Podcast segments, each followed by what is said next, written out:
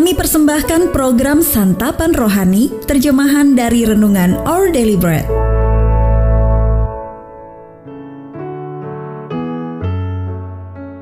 Sahabat ODB, pembacaan Alkitab hari ini terambil dari 1 Korintus pasal yang pertama ayat 18 sampai dengan ayat yang ke-25.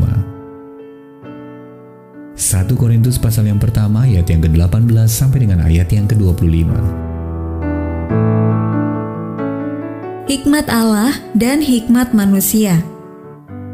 Sebab pemberitaan tentang salib memang adalah kebodohan bagi mereka yang akan binasa.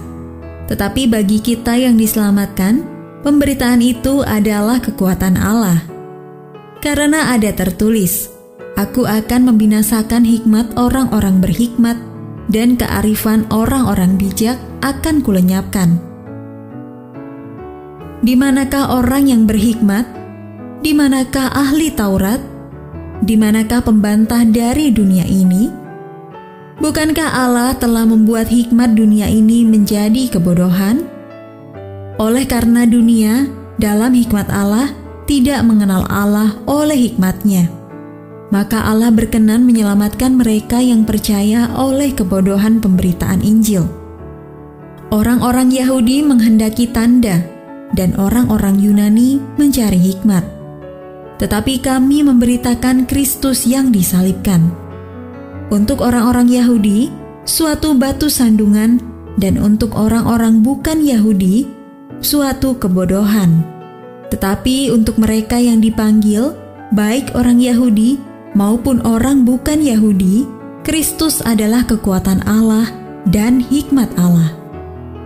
Sebab yang bodoh dari Allah lebih besar hikmatnya daripada manusia, dan yang lemah dari Allah lebih kuat daripada manusia.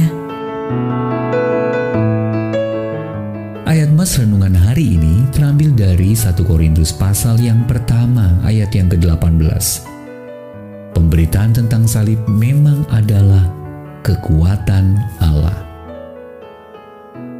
Renungan hari ini berjudul Di Balik Salib, ditulis oleh Dave Brennan.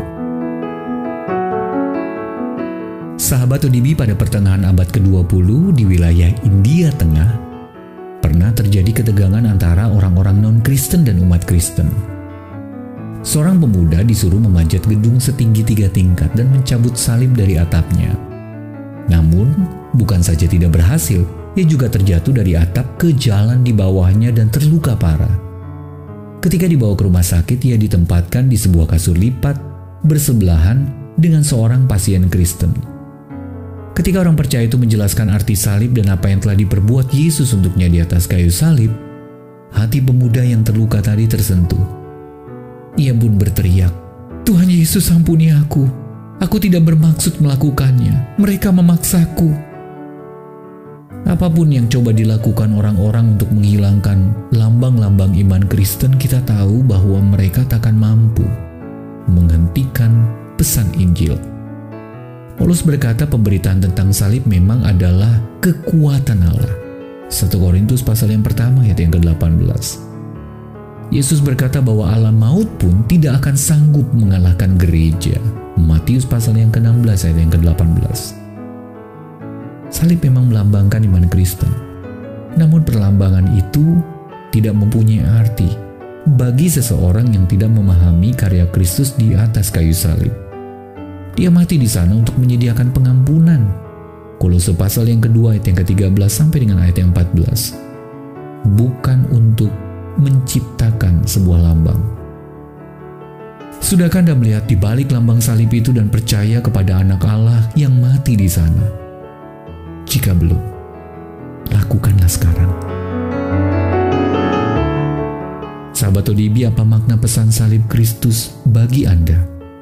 Lalu bagaimana pengampunan yang diberikan Tuhan Yesus sanggup mengubah hidup Anda selamanya?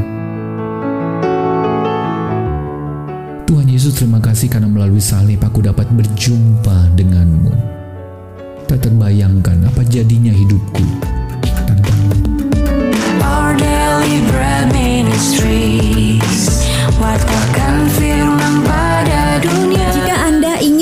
Mendapatkan buku renungan ini dalam bahasa Indonesia, Inggris, atau Mandarin, WhatsApp kami di 0878 7878 9978 atau email indonesia@odb.org dan kunjungi website santapanrohani.org. Persembahan kasih dari Anda memampukan All Deliberate Ministries menjangkau orang-orang agar diubahkan. Tuhan memberkati.